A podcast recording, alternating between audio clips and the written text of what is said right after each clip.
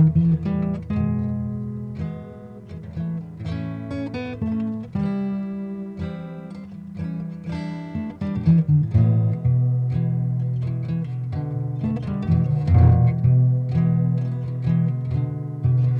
بكل مشاهدي ومتابعي القناة.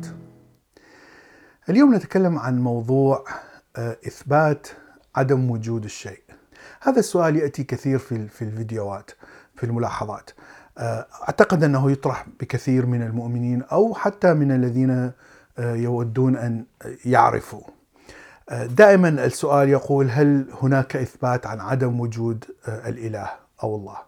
والجواب الذي دائما أضعه هو البينة على من ادعى لأنه من المستحيل أن نثبت عدم وجود الإله فاليوم سأحاول أن أبحث هل هناك في العلم قوانين أو تجارب تثبت عدم وجود الشيء في البداية إذا كنت مطلع على الرياضيات وعلى النظريات الرياضية سوف تلاحظ أن هناك كثير من الإثباتات الرياضية التي تثبت عدم آه، صحة افتراضية معينة. الفرق آه، في الرياضيات طبعا يجب أن تتبع قوانين آه، محددة تخضع للقوانين الرياضية وتخضع لعلم الجبر مثلا وتخضع لهندسة إقليدس مثلا التي بالمثلثات والدوائر. اذا هناك قوانين يجب أن تتبع. يعني هو ليس فكر حر.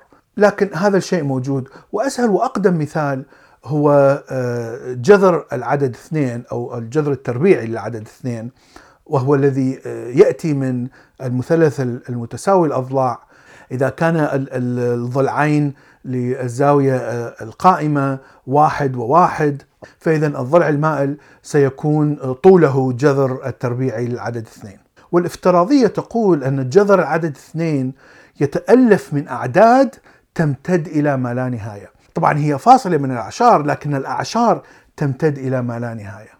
وعلى مدى الزمن حاول الكثير من آه، علماء الرياضيات أن يكتشفوا هذه الأرقام. فمثلا آه، البابليين وضعوا آه، تقريب للرقم الهنود أيضا وضعوا تقريب للرقم وفي النهاية هناك إثبات ذكره أرسطو وأنا أعتقد أنه هو أول إثبات والإثبات يبدأ بافتراضية. ثم بعد عدة حسابات ينتهي بنتيجة مناقضة لهذه الافتراضية.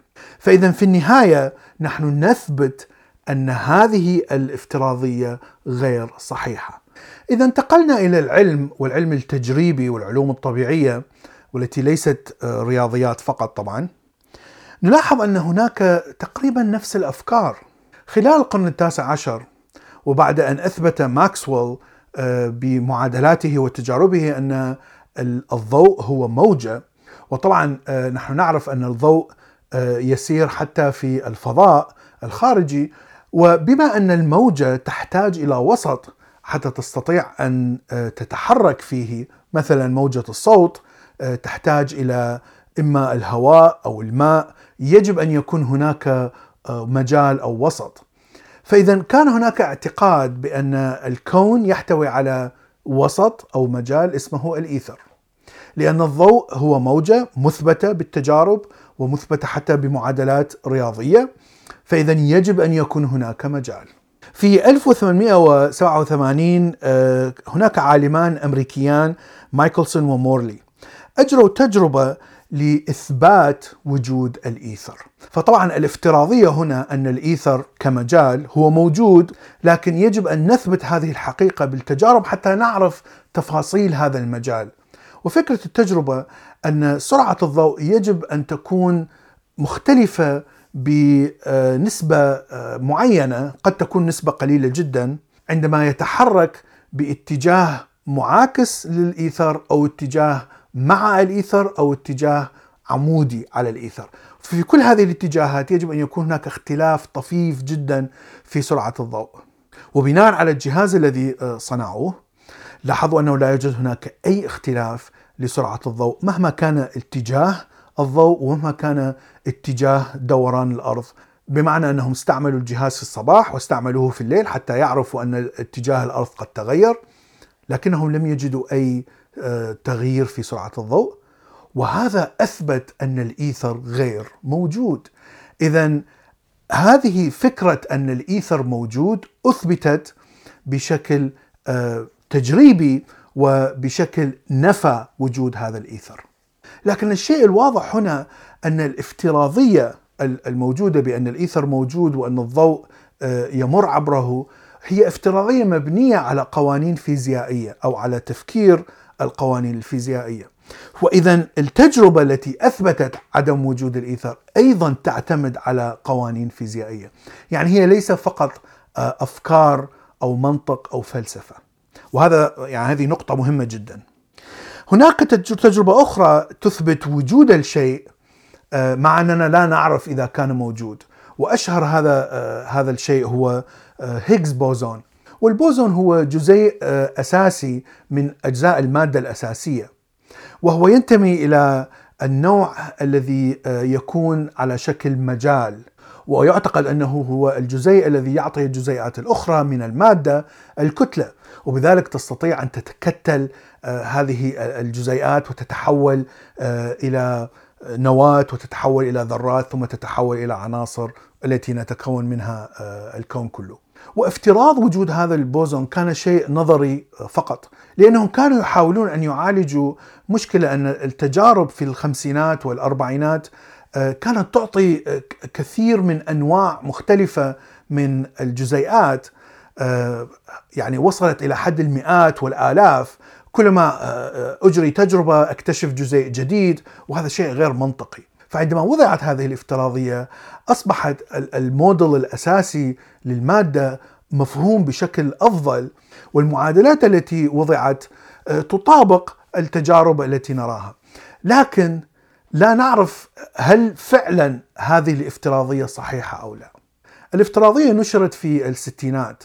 وحتى نثبت آه، وجود Higgs boson أو أو مجال هيجز يجب أن نضع آه، المواد الأساسية وهي الكواركس في طاقة عالية جدا يعني خيالية في في ذلك الوقت حتى نستطيع أن نحلل هذه الكواركس إلى حتى مواد آه، أولية أكثر آه، منها. وطبعا هذه التكنولوجيا لم تكن موجودة في ذلك الوقت. لكن عندما بني مركز الأبحاث في سويسرا استطاعوا أن يصادموا بروتونين آه، بسرعة عالية جدا وهذا الاصطدام أنتج طاقة عاليه وحرارة عالية جدا حتى في جزيء من الثانية وفي هذا الجزيء تم تحليل حتى الكواركس وهنا ظهرت في التجربة الخواص اللازمة لمجال هيجز والذي يطابق الافتراضية التي وضعت في الستينات. إذا نعود إلى آه، فكرة آه، هل يمكن إثبات عدم وجود الإله؟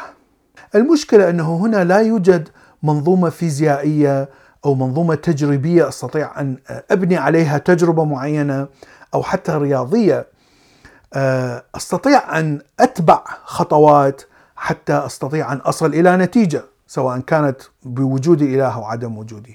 وسبب عدم وجود هذه المنظومة أننا لا نعرف ما هو الإله، لا يوجد تعريف فيزيائي للإله أو تعريف رياضي للإله. إذا كنت لا تعرف ما هو الشيء من المستحيل أن تفكر آه، بصنع تجربة أو برسم خطوات حتى تثبت وجوده من عدم وجوده. وهذه هي المشكلة في في هذه الفكرة. دوكنز آه، قال مقولة مشهورة أنه تخيل أن هناك آه، قارورة للشاي آه، تدور حول الأرض في المجال الخارجي لا يمكنك إثبات عدم وجودها. لأنه فعليا هذه الفكرة ميتافيزيقية فكرة خيالية. لا يمكن تعريفها بأسلوب فيزيائي واضح لا يمكن تعريفها بأسلوب رياضي. فأنا أستطيع أن آه، أخترع أي شيء آه، وأقول لك اثبت أنه أنه غير موجود خاصة إذا كان هذا الشيء آه، غير فيزيائي. وهناك في الفلسفه فكرة مشهورة تقول أن هناك إثبات من الجهل argument from ignorance. بمعنى أنك تجهل بعلم الشيء ولهذا تثبت أن هذا الشيء موجود لأنه لا يمكن إثبات عدم وجوده أو هذا الشيء غير موجود لأنه لا يمكن إثبات وجوده. المشكلة طبعا لا يوجد هناك أي تجربة محددة لإثبات هذا الشيء أو قد يكون هناك تجربة لكنها تحصل في المستقبل. فاذا العلم الذي تعرفه الآن لا يمكنه إثبات أو عدم إثبات. وهناك إثبات آخر أيضا خاطئ في الفلسفة يعتمد على غياب الدليل. فبمعنى يقول أنه إذا لا يوجد دليل معين في فترة معينة من نظرية التطور أو مثلا الأحفورة المعينة التي تكون بين الإنسان والقرد فاذا النظرية خاطئة. وهذه أيضا فكرة خاطئة معروفة في الفلسفة. وماركو بولو الذي كان تقريبا من أوائل الأوروبيين الذي زاروا الصين وكون علاقات تجارية لم يذكر في كتبه ومذكراته سور الصين العظيم الذي الآن نعرفه أشهر شيء في الصين. كثير من الناس يقولون هذا معنى أن ماركو بولو يكذب ولم يذهب إلى الصين. لكن طبعا الكتب التاريخية التي آه، تذكر ماركو بولو وكيف ذهب إلى الصين وحتى الكتب من الصين أنفسهم الذين يذكرونه وكيف كون العلاقات التجارية تثبت أن هذا الكلام صحيح. اذا في النهاية أعتقد أن الإجابة الصحيحة على سؤال هل هناك إثبات لعدم وجود آه، الإله؟ هو نحن لا نعرف. العلم لم يتوصل إلى طريقة لإثبات وجود أو إثبات عدم الوجود. إذا كنت تعرف طريقة علمية تجريبية صحيحة اثبت أن الإله موجود أو حتى اثبت أن الإله غير موجود.